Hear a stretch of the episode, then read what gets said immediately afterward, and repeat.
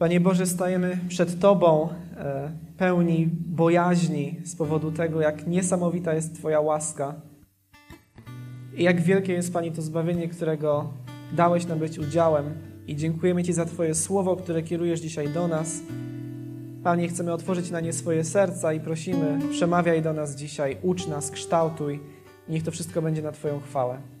I modlimy się o to w imię Jezusa Chrystusa. Amen. Tak więc jesteśmy dzisiaj dalej w Księdze Dziejów Apostolskich, w rozdziale dziewiątym. Dzisiaj zakończymy rozdział dziewiąty. E, to, o czym mówiliśmy ostatnio, to tak właściwie dwa razy przeszliśmy przez historię nawrócenia apostoła Pawła, jako że jest to fragment rzeczywiście wyjątkowo, wyjątkowo e, ważny. E, natomiast kiedy przechodzimy przez tę księgę i tak naprawdę przez każdą księgę Biblii, ale jako, że teraz siedzimy w dziejach apostolskich, to właśnie w dziejach powinniśmy szczególnie pamiętać o tym, dlaczego ta księga właściwie została napisana, jaka jest, e, jakie jest jej przesłanie, jaka jest jej struktura, to znaczy gdzie właściwie się poruszamy, kiedy przechodzimy przez kolejne fragmenty, przez kolejne etapy tej historii, która jest tutaj opisana. I myślę, że tym, co jest najważniejsze, są słowa Jezusa, które on wypowiedział na samym początku, w rozdziale e, pierwszym, w wersecie ósmym kiedy powiedział, że uczniowie otrzymają moc Ducha Świętego, kiedy zstąpi na nich e, i będą mu świadkami w Jerozolimie, w Judei, w Samarii i aż po krańce ziemi. I, I, to, to powołanie, które uczniowie otrzymali od Jezusa, ono kształtuje strukturę całej księgi. Najpierw widzimy, że Kościół działa w Jerozolimie, potem stopniowo wychodzi do Judei, do Samarii, więc przekracza pewne granice kulturowe, granice religijne, no i w końcu Kościół przemieszcza się i zaczyna głosić Ewangelię wszystkim narodom, wszystkim poganom, e, aż po krańce ziemi. Jest to coś, co trwa po dziś dzień. E, I zbliżamy się powoli do momentu przełomowego w dziejach apostolskich, znaczy do momentu, kiedy ta Ewangelia rzeczywiście w taki decydujący sposób wyjdzie poza granice judaizmu i dotrze do pogan. To będzie rozdział dziesiąty. Natomiast póki co jesteśmy w miejscu, w którym jak już powiedziałem, trwało prześladowanie, e, w którym dużo udział miał, e, duży udział miał Saul z Tarsu, e, znany później szerzej jako apostoł Paweł. I Bóg kończy to prześladowanie, ratuje z niego Kościół w cudowny sposób, dlatego że z tego najbardziej gorliwego przeciwnika i prześladowcy chrześcijaństwa robi najgorliwszego wyznawcę. Nawraca go na drodze do Damaszku i Saul staje się apostołem. Dzięki temu no, myślę, że na samym początku Żydzi musieli być e, dość mocno zagubieni tym, co się właściwie stało, jak to się stało, że ich największa broń, ich tutaj najmocniejszy zawodnik nagle przyszedł na stronę wroga. No i w tym okresie, e, krótko po nawróceniu Saula, trwa pokój dla, dla, dla Kościoła. W 31 wersecie 9 rozdziału czytamy, że zgromadzenie, czyli Kościół, jak to często jest tłumaczone, po całej Judei, Galilei i Samarii miało pokój, budowane i kroczące w bojaźni pańskiej, a dzięki zachęcie Ducha Świętego pomnażało się. E, troszeczkę ten fragment może brzmieć Wam dziwnie, to dlatego, że dzisiaj korzystamy z przekładu dosłownego.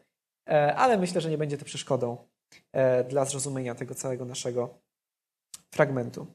I jesteśmy dzisiaj w miejscu, w którym Właśnie e, ten czas pokoju, ten czas wolny od prześladowań zostaje wykorzystany przez apostoła Piotra, który ma do odegrania, ma do odegrania bardzo szczególną rolę. Więc przeczytamy i ten fragment, który dzisiaj będziemy omawiać, to jest dziewiąty rozdział dziejów apostolskich. Dziewiąty rozdział dziejów apostolskich, wersety od 32 do 43. I stało się, gdy Piotr obchodził wszystkich, że przyszedł też do świętych, którzy mieszkali w Liddzie.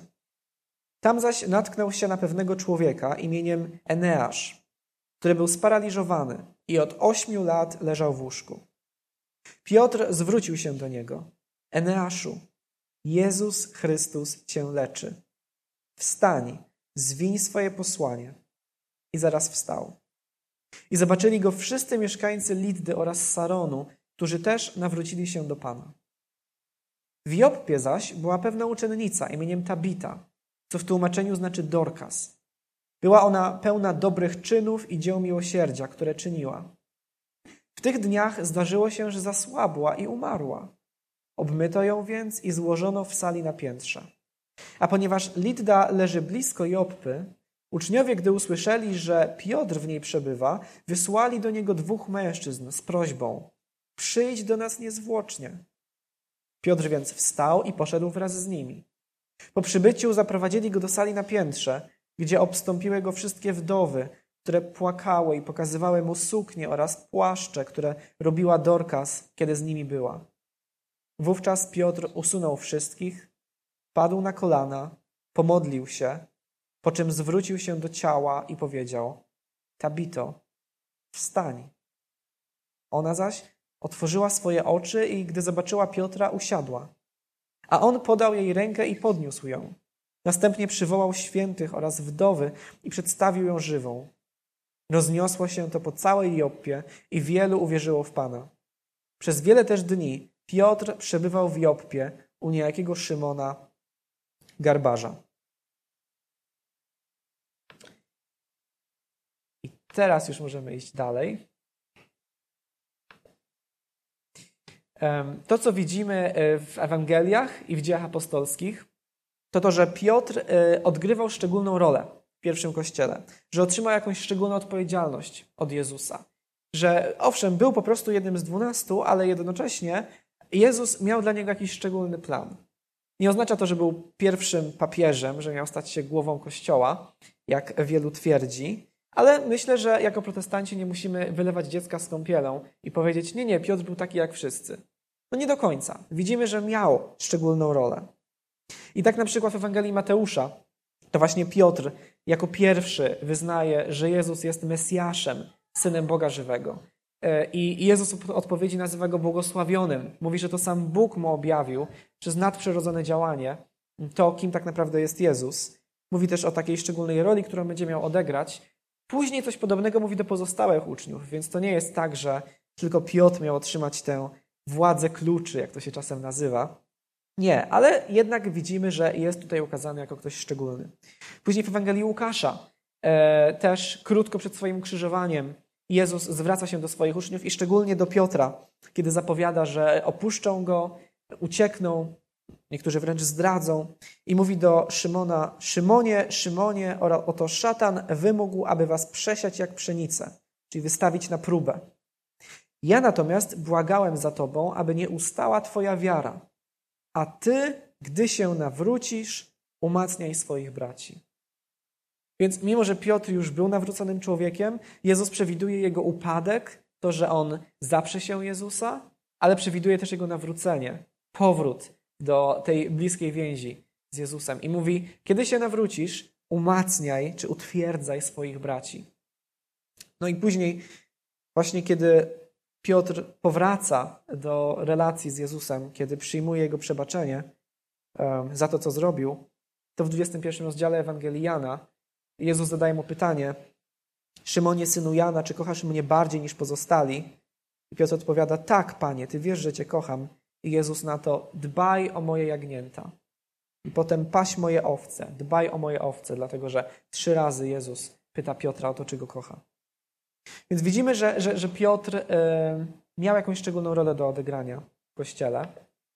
Y, co więcej, myślę też, że y, z jednej strony Piotrem kierowała, kierowała to poczucie odpowiedzialności, ale z drugiej też po prostu troska. To znaczy on czuł się w jakiś szczególny sposób odpowiedzialny nie tylko za zbory w Jerozolimie, gdzie działał, gdzie służył, ale też za inne zbory, które powstały w okolicach, w Judei, w Samarii i tak dalej. Nie mamy informacji, jak powstały te inne kościoły. Być może powstały w wyniku działalności diakona Filipa, w ósmym rozdziale czytaliśmy o tym, że kiedy chrześcijanie się rozproszyli w wyniku prześladowań, wygłosili Ewangelię, powstawały nowe wspólnoty i taką szczególną rolę w tym odgrywał diakon Filip, który też właśnie jako pierwszy doszedł do Samarii i tam działał. E, ale na dobrą sprawę nie wiemy. Dzieje apostolskie nie opisują nam całej historii tego, co się działo w pierwszym wieku, ale jakieś pojedyncze wątki, które szczególnie autora interesują. Natomiast cały czas gdzieś w tle, gdzieś za kulisami E, niekoniecznie o tym wiemy, ale Bóg działał i powstawały zbory.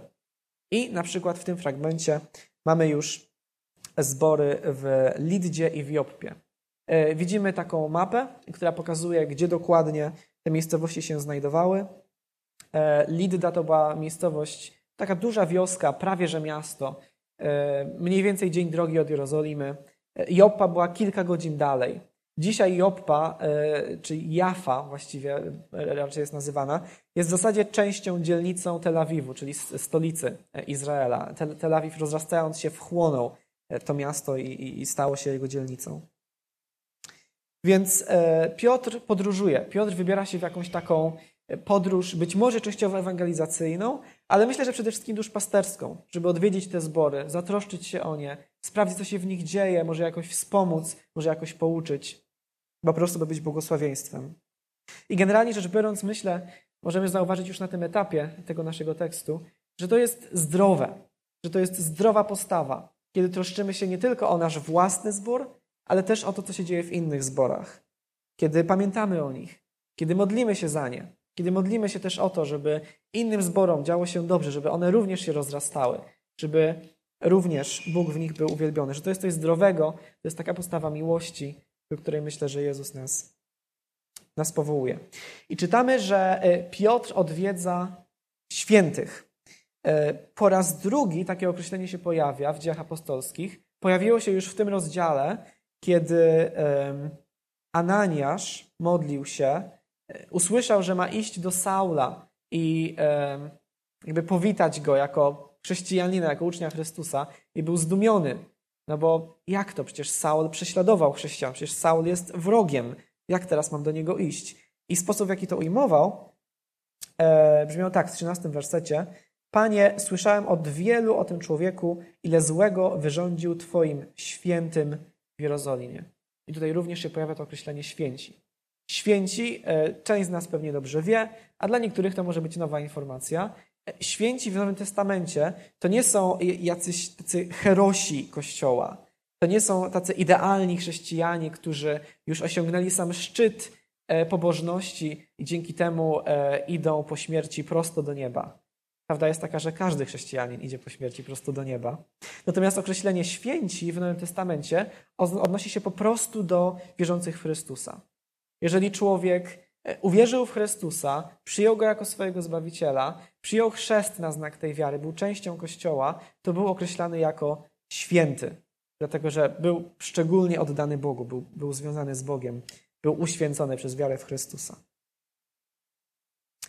Więc Piotr e, idzie w tę swoją podróż ewangelizacyjno-duszpasterską i dociera do Liddy. I tam w Liddzie napotyka Eneasza. I czytamy, że Eneasz był sparaliżowany. Od ośmiu lat leżał w łóżku, nie mógł się sam z niego ruszyć. E, I myślę, że łatwo nam bardzo przejść nad takimi krótkimi uwagami, krótkimi opisami e, tego, w jakich różnych sytuacjach, w jakich różnych dolegliwościach byli ludzie opisani w Biblii. Zwłaszcza kiedy znamy historię. Czytamy, no ten człowiek był niemy, ten człowiek był głuchy, ten był opętany, E, ten był sparaliżowany, no Jezus ich uzdrowił, wszystko jest dobrze. Ale myślę, że dobrze jest się zatrzymać nad tym, w jak beznadziejnej sytuacji byli ci ludzie, których dotykała Boża łaska i którzy doświadczali na przykład uzdrowienia. Eneasz od ośmiu lat był sparaliżowany. A skoro był sparaliżowany, to oznacza, że każdego dnia przez osiem lat ktoś musiał go ubierać, ktoś musiał go karmić, ktoś musiał go myć, pomagać mu w codziennej toalecie. Ktoś musiał go przemieszczać. Nie mógł sam wstać i pójść na nabożeństwo. Musiał być tam zaniesiony i tak dalej, i tak dalej. Człowiek całkowicie zależny od innych. Przez 8 lat kiedyś żył inaczej. Nie czytamy, że był sparaliżowany od urodzenia, ale dopiero od pewnego czasu. Ale od 8 lat, dzień w dzień, nic nie jest w stanie zrobić. Całkowicie jest zdany na łaskę i niełaskę innych. I kiedy Piotr spotyka tego Eneasza w zborze w Liddzie, to dzieje się coś zupełnie nadzwyczajnego, coś zupełnie nieoczekiwanego, nadprzyrodzonego. Czyli po prostu cud. Z cudem mamy do czynienia wtedy, kiedy Bóg, który każdego dnia nieustannie kieruje tym, co się dzieje na świecie, w konkretnej sytuacji postanawia zadziałać w sposób nadzwyczajny. Jakby bezpośrednio działa, bezpośrednio ingeruje w jakiś nadzwyczajny sposób. Bóg, który nieustannie kieruje światem, postanawia w konkretnej sytuacji zadziałać w nadzwyczajny sposób. I chciałbym, żebyśmy to dobrze zrozumieli, że cuda w Biblii nie polegają na tym, że E, świat raz nakręcony przez Boga jak zegarek kręci się w zasadzie sam i raz na jakiś czas Bóg z zewnątrz zaingeruje i coś zrobi. Nie tak Biblia przedstawia cuda. Raczej Bóg cały czas kieruje tym, co się dzieje na świecie. To On daje nam życie, to On daje nam zdrowie, to On daje nam siły i pokarm, i On kieruje wszystkim, co się dzieje, i On jest suwerenny nad wszystkim, ale działa w pewien, powiedzmy, regularny sposób, kierując swoim światem. To znaczy, są pewne prawa fizyki, które na co dzień obowiązują, są różne e, prawidłowości, które obserwujemy w otaczającym nas świecie, dlatego jesteśmy w stanie ten świat badać, dlatego jest w stanie funkcjonować coś takiego jak nauka i tak dalej, i tak dalej. Bóg tym kieruje, ale czasem działa w nadzwyczajny sposób. Czasem działa tak, jakby na chwilę te różne zasady nie obowiązywały. I właśnie coś takiego dzieje się tutaj. Eneasz zostaje uzdrowiony. Wszystkie zmiany w jego ciele, cała słabość, wszystkie dolegliwości, które na pewno były związane z tym, że przez 8 lat nie mógł się ruszyć z miejsca, ustępują w mgnieniu oka. Nie jest to coś na takiej zasadzie, że po prostu czuje mniej bólu.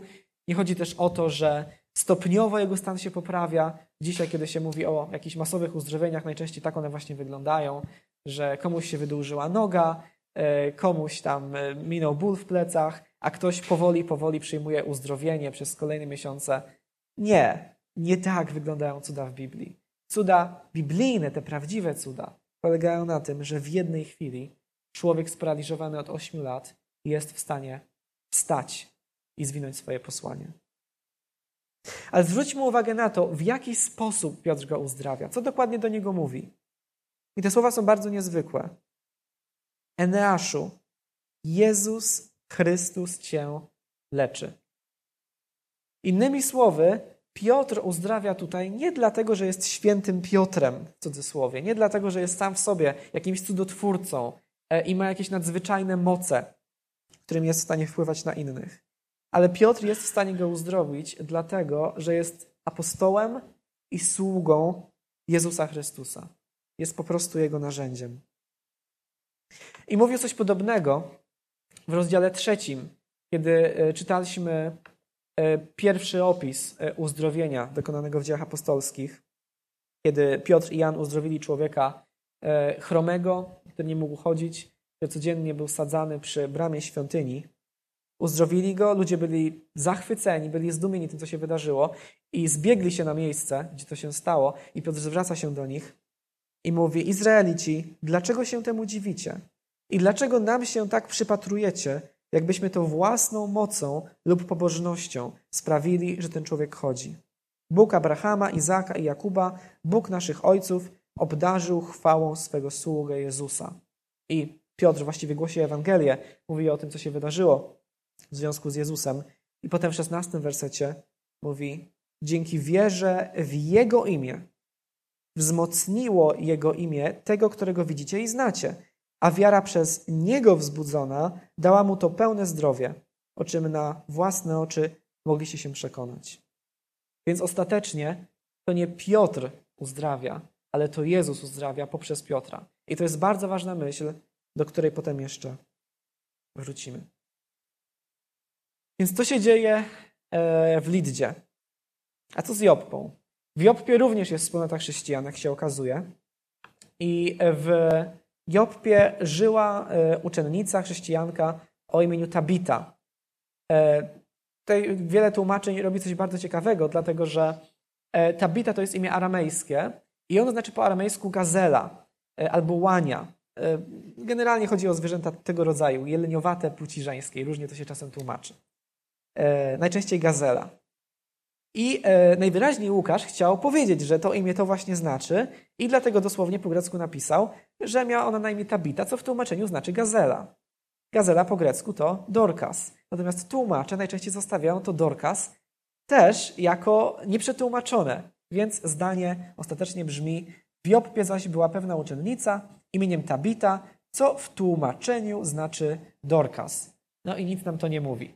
Ale przynajmniej w Bibliach e, Piotra Zaręby jest na dole przypis, że Dorcas znaczy gazela lub sarna. Więc już wiemy. I co czytamy o tej tabicie? Czytamy, że to była wyjątkowa uczennica. to była wyjątkowa chrześcijanka, wyjątkowa kobieta będąca członkiem tego zboru e, w Joppie. Na przykład dosłownie tak to formułuje, że była ona pełna dobrych czynów i dzieł miłosierdzia, które czyniła. Więc była jakąś szczególnie ukochaną siostrą dla tego zboru. Okazywała miłosierdzie, okazywała bezinteresowne zainteresowanie innymi, bezinteresownie służyła. Czytamy potem o tym, że kiedy już Piotr przybywa na miejsce i wchodzi do tej sali, gdzie, gdzie jej ciało było złożone, to obstępują go wdowy, które pokazują suknie i płaszcze, które Dorcas szyła dla nich, kiedy jeszcze z nimi była.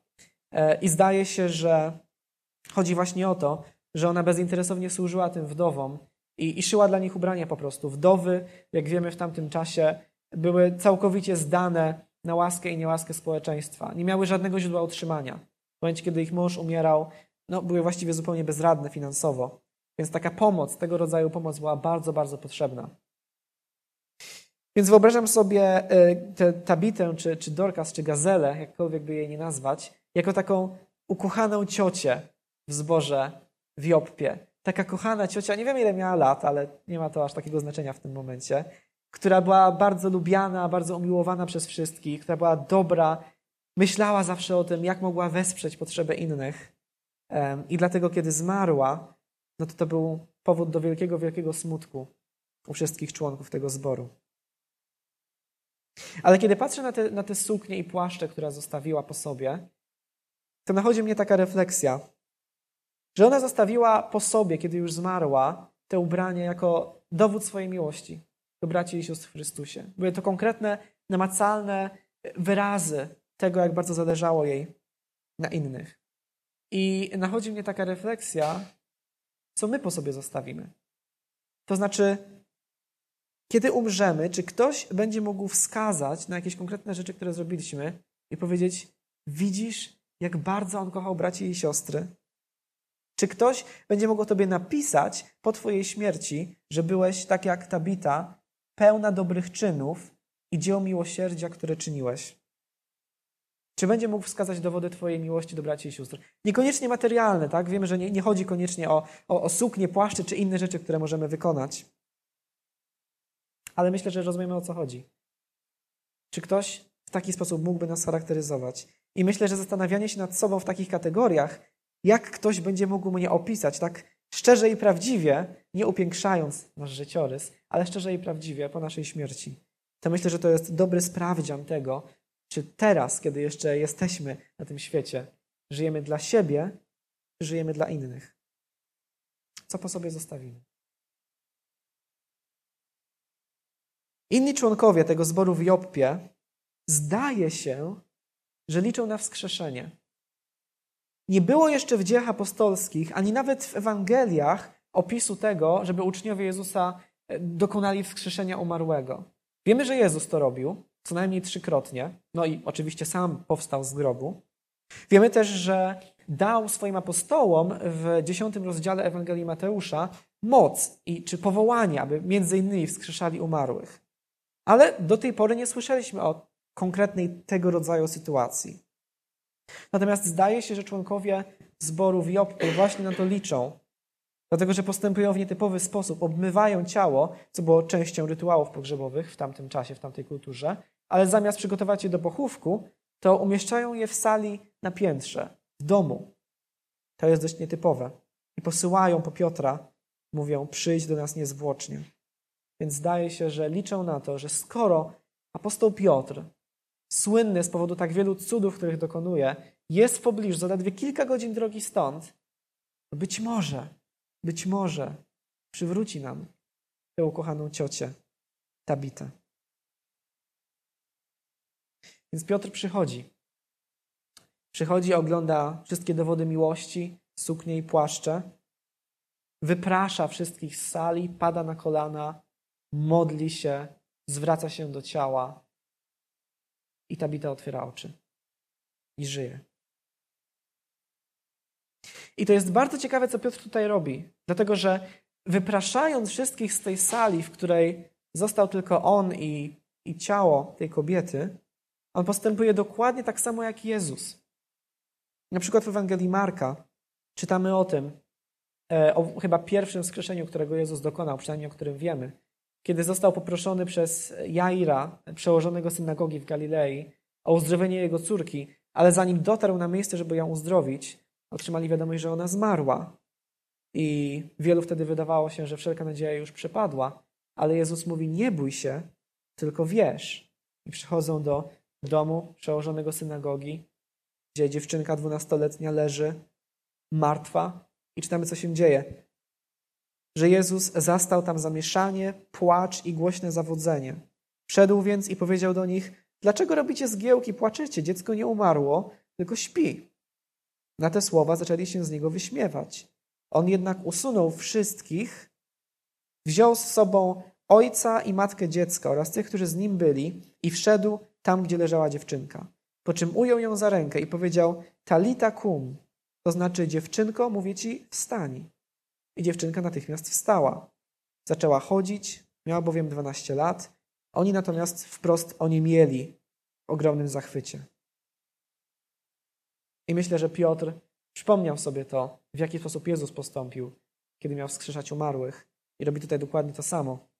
Wyprasza wszystkich, ponieważ nie chce zrobić show, nie chce zwrócić uwagi na siebie, ale chce stać się narzędziem Boga do tego, aby stało się coś niesamowitego, coś świętego, coś nadprzyrodzonego.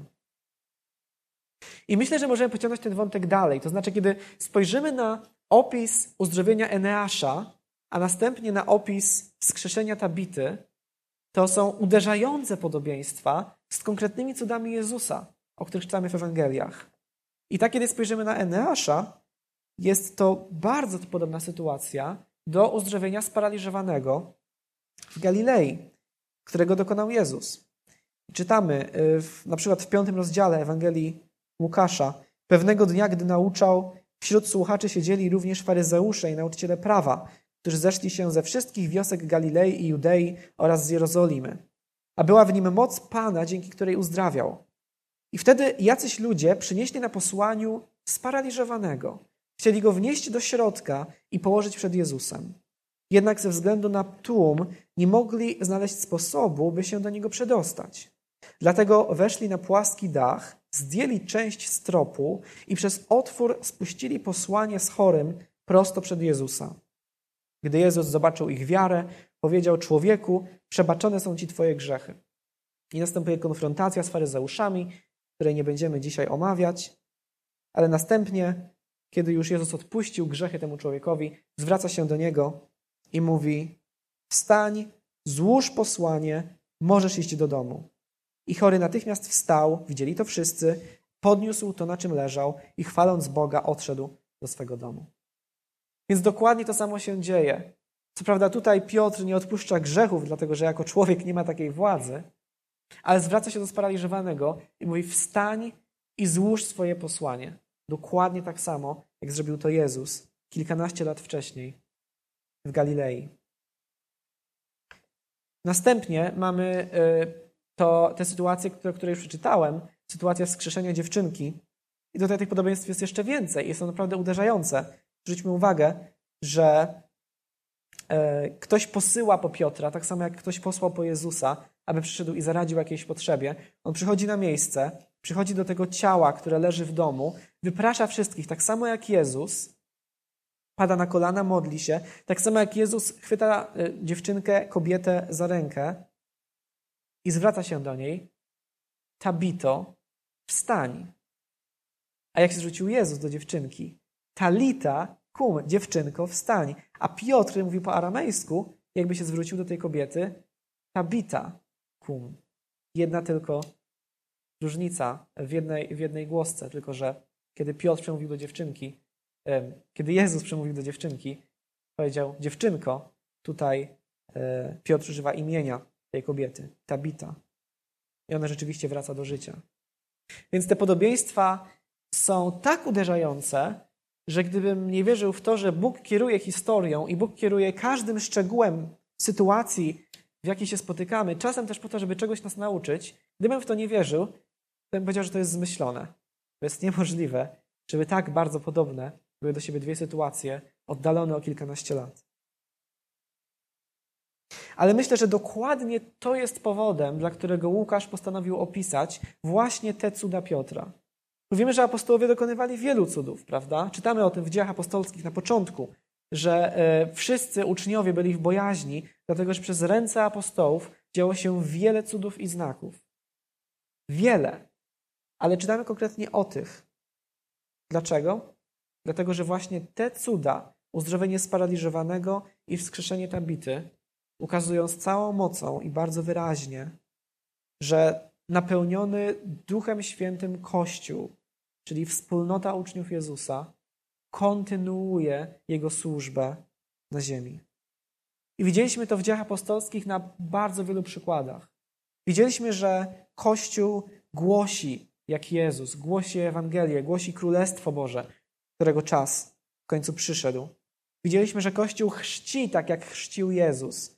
Widzieliśmy, że tworzy wspólnotę tak, jak Jezus tworzył wspólnotę swoich uczniów.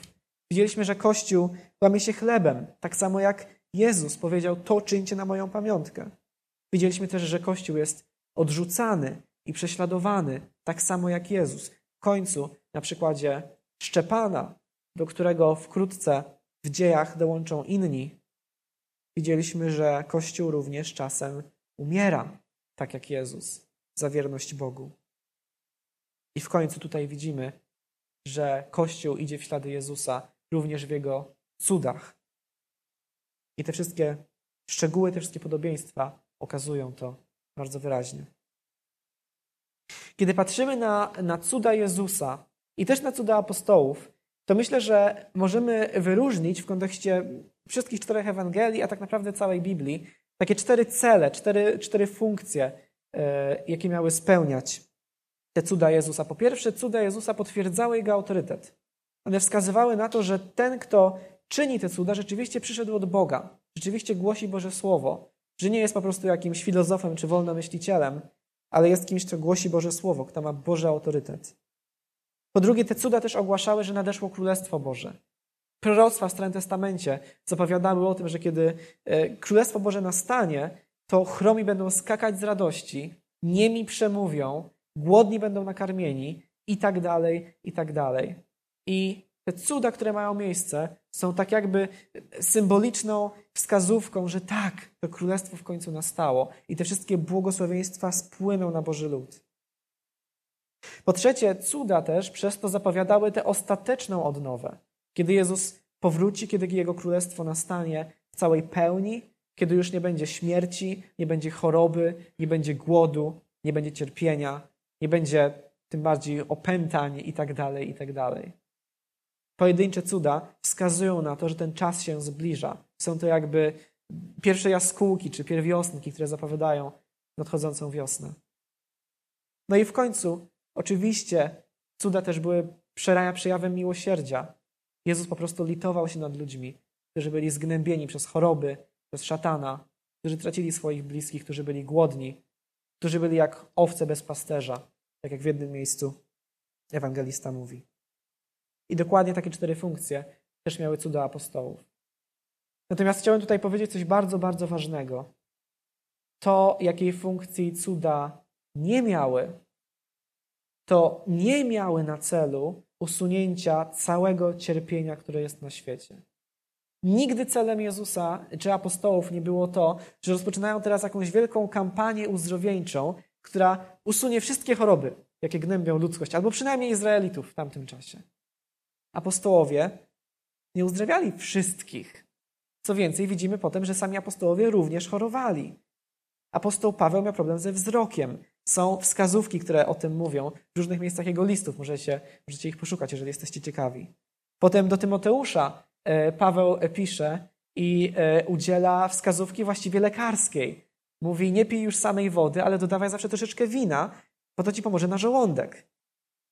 Sam Łukasz, autor Ewangelii i dziejów, był lekarzem. I prawdopodobnie też dlatego towarzyszył Pawłowi w jego podróżach, żeby pomagać mu służyć właśnie swoim fachem. Nie było celem cudów usunięcie całego cierpienia z życia ludzi wierzących. Przecież koniec końców ci wszyscy uzdrowieni, a nawet ci wszyscy wskrzeszeni, prędzej czy później też umarli. Umarła dziewczynka wskrzeszona przez Jezusa, Umarł młodzieniec z miasteczka Nain, umarł Łazarz, umarła Tabita i umarło wielu, wielu innych, którzy zostali wskrzeszeni.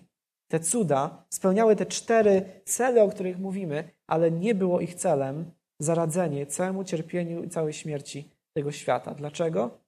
Dlatego, że czas na to jeszcze nie nadszedł. Czas na to nadejdzie, kiedy Jezus powróci. Nie wcześniej. I myślę, że kiedy patrzymy na te słowa, w 34 wersecie Eneaszu, Jezus Chrystus Cię uzdrawia. Widzimy tutaj takie starożytne przedstawienie tego, jak to być może wyglądało. To myślę, że dokładnie te słowa wskazują nam na sedno tego fragmentu. No bo zobaczcie, patrząc tak zdroworozsądkowo, to są bardzo dziwne słowa. Jezus Chrystus Cię uzdrawia, Jezus Chrystus Cię leczy.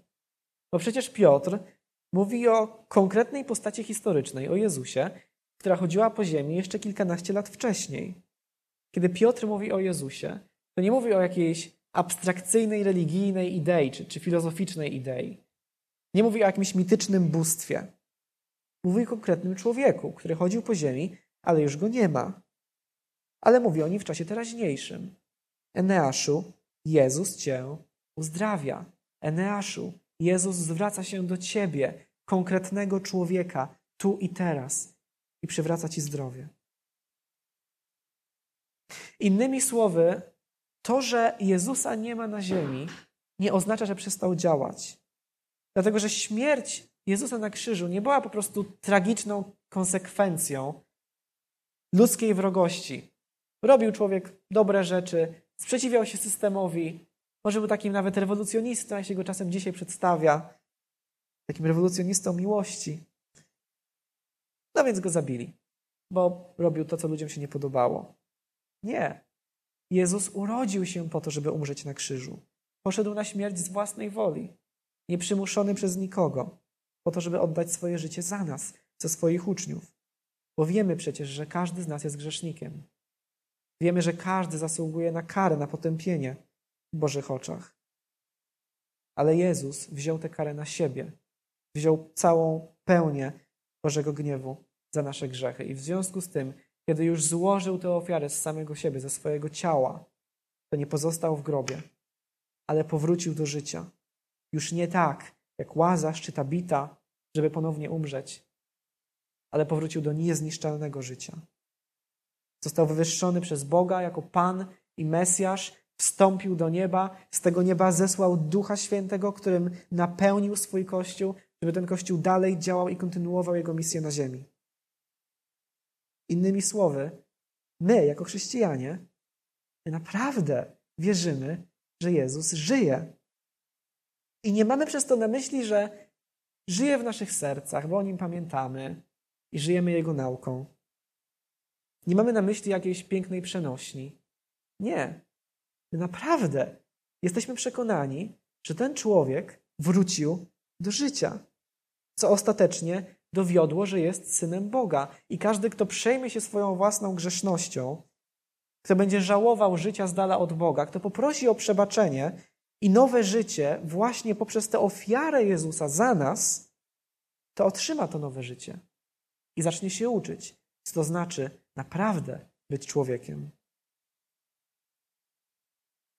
Innymi słowy, kiedy mówimy o Jezusie z Nazaretu i o tym, że jesteśmy Jego naśladowcami, to nie mają przez to na myśli, że jesteśmy tacy jak ludzie, którzy mogą mówić, że kierują się czy inspirują się naukami Sokratesa albo kierują mądrością jakiegoś innego filozofa czy nauczyciela moralności. Wiemy, że ludzie w taki sposób czasem traktują Jezusa, tak? Mówią, nie, nie, to całe opowiadanie o cudach, zmartwychwstaniu, niebie, to nie, to, to nie jest dla mnie, to niekoniecznie. Ale moralne nauczanie Jezusa, o, tym się warto kierować. Było w historii wielu mądrych nauczycieli, no i Jezus jest jednym z nich, może nawet najmądrzejszym. Więc, drodzy chrześcijanie, niekoniecznie będę brał udział w życiu waszego kościoła, ale wszyscy się możemy zgodzić, że Jezus był kimś bardzo ważnym. Jeżeli myślisz, że my tak traktujemy Jezusa, no to chyba się nie do końca zrozumieliśmy. Jeżeli uważasz, że sam Jezus tak siebie przedstawiał, jako jednego z wielu mądrych nauczycieli ludzkości, no to obawiam się, że nie poświęciłeś Jego słowom zbyt wiele uwagi. Dlatego, że owszem, Jezus głosił wiele nauk moralnych, ale przede wszystkim przedstawiał się jako ten, który przyszedł, żeby rozwiązać odwieczny problem ludzkości, jakim jest grzech i czekający nas sąd. Nie przyszedł, żeby wskazać drogę, którą mamy iść, ale żeby być drogą. Nie przyszedł, aby przekazać prawdę, ale żeby być prawdą. Nie przyszedł, aby nauczyć nas życia, czy mówić nam o życiu, ale żeby być życiem. I jak mówi C.S. Lewis, możesz go odrzucić, możesz go uznać za kłamcę albo szaleńca, albo możesz go przyjąć jako jedyną drogę do Ojca. Nie ma innej alternatywy. Natomiast Piotr w tym dzisiejszym fragmencie pokazuje nam, że Jezus nie tylko był drogą, prawdą i życiem, ale jest również dzisiaj. Nie tylko wtedy, kiedy chodził po ziemi, ale również kilkanaście lat później i również w XXI wieku. Bo on działał przez swoich apostołów, on działał przez dwadzieścia wieków historii Kościoła i działa również dzisiaj przez swoich uczniów, przez swój Kościół, posażony w Ducha Świętego. I jest tak samo Panem życia i śmierci, jak był wtedy. I tak jak powiedziałem, cuda nie służyły temu, aby rozwiązać każdy problem. Nie mamy obietnicy, że każdy sparaliżowany będzie uzdrowiony i każdy umarły będzie wskrzeszony. Nie. Ale pozostaje prawdą, że Jezus jest w stanie rozwiązać każdy problem.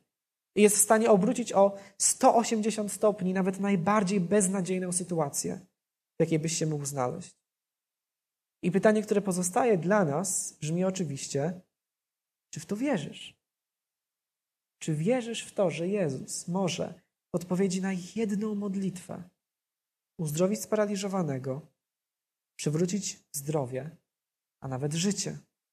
I nie chcę Ci dzisiaj powiedzieć, że na pewno to zrobi, bo być może ma lepszy plan, lepszy od Twojego najlepszego planu, ale przecież może to zrobić. Bo nie jest Panem ani trochę mniej niż wtedy, prawda? Przeciwnie, Jego królestwo nieustannie rośnie. Wiemy też, że nie jest ani trochę mniej pełny współczucia i miłości niż wtedy.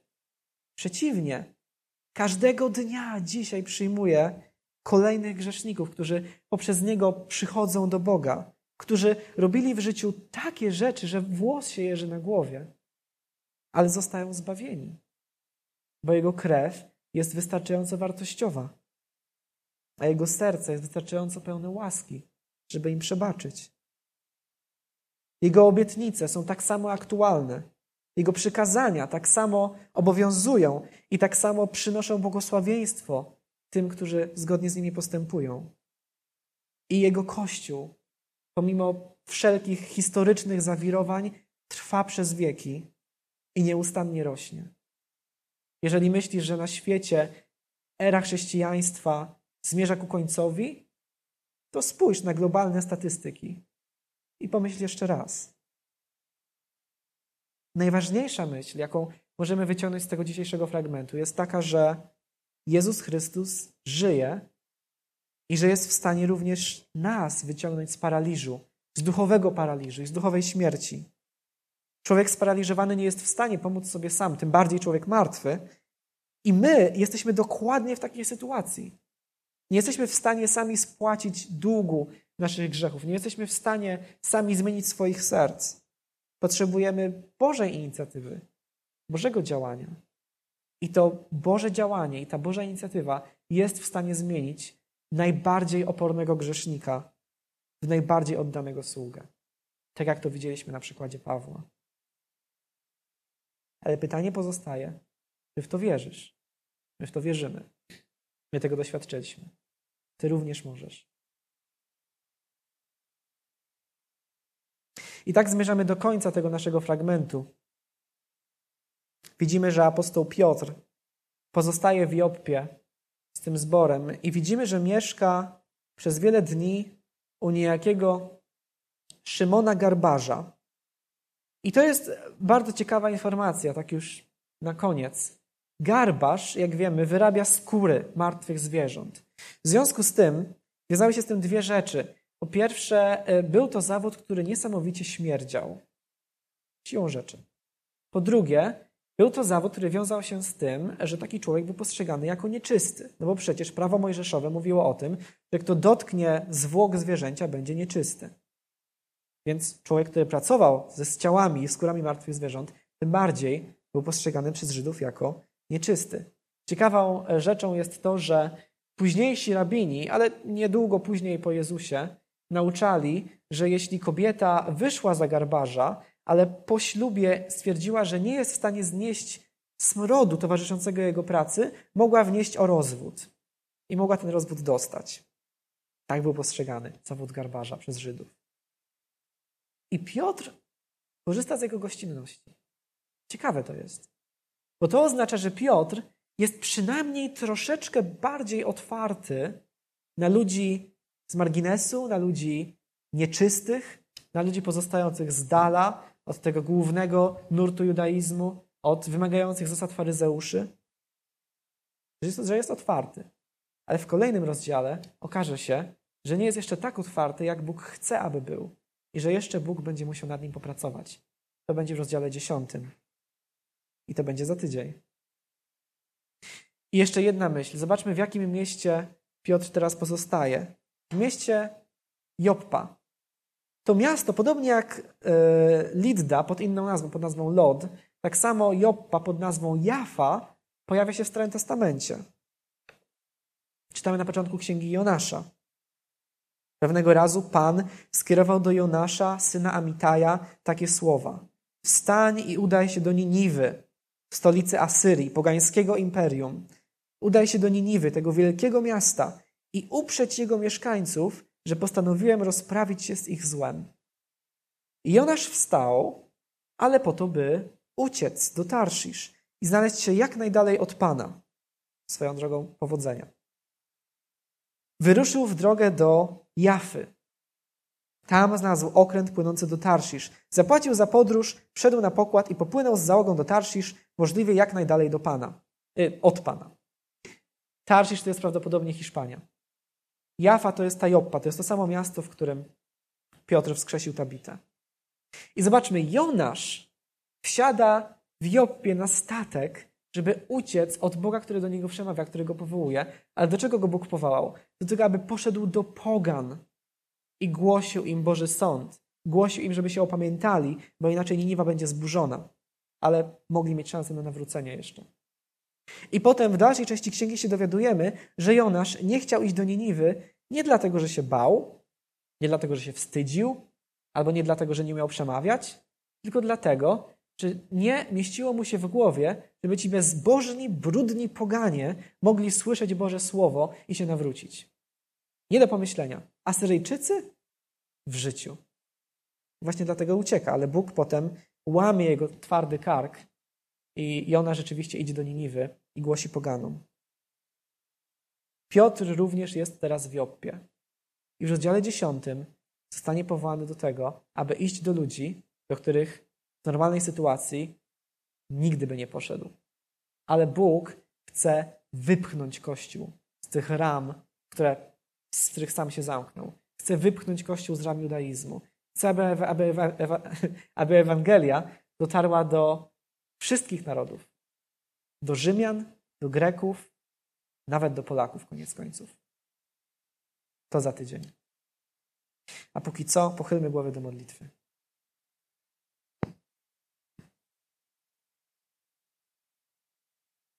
Święty Panie, dziękujemy Ci za to Twoje słowo, które pozostaje żywe i skuteczne przez tysiące lat.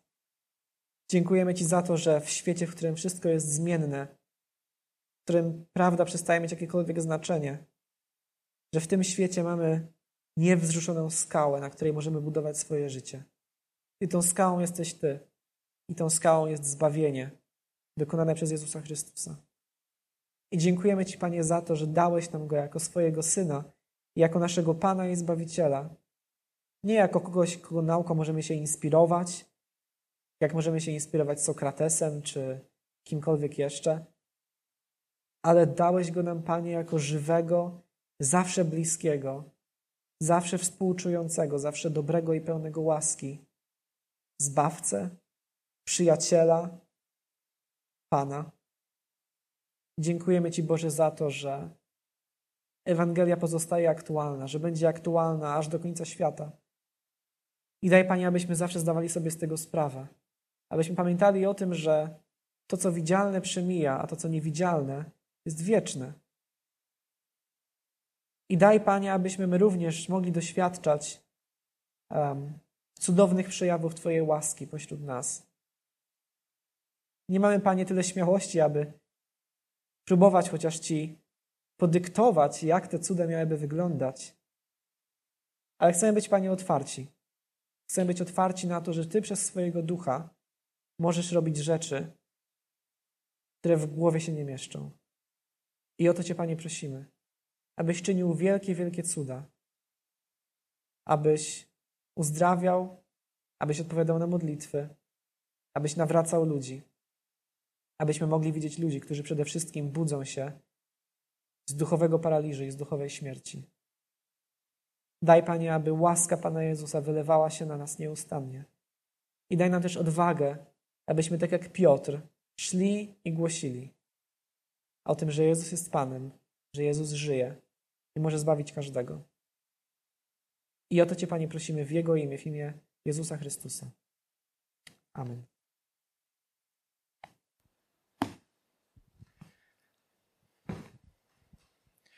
Dziękujemy Filip za kazanie. Cudowne.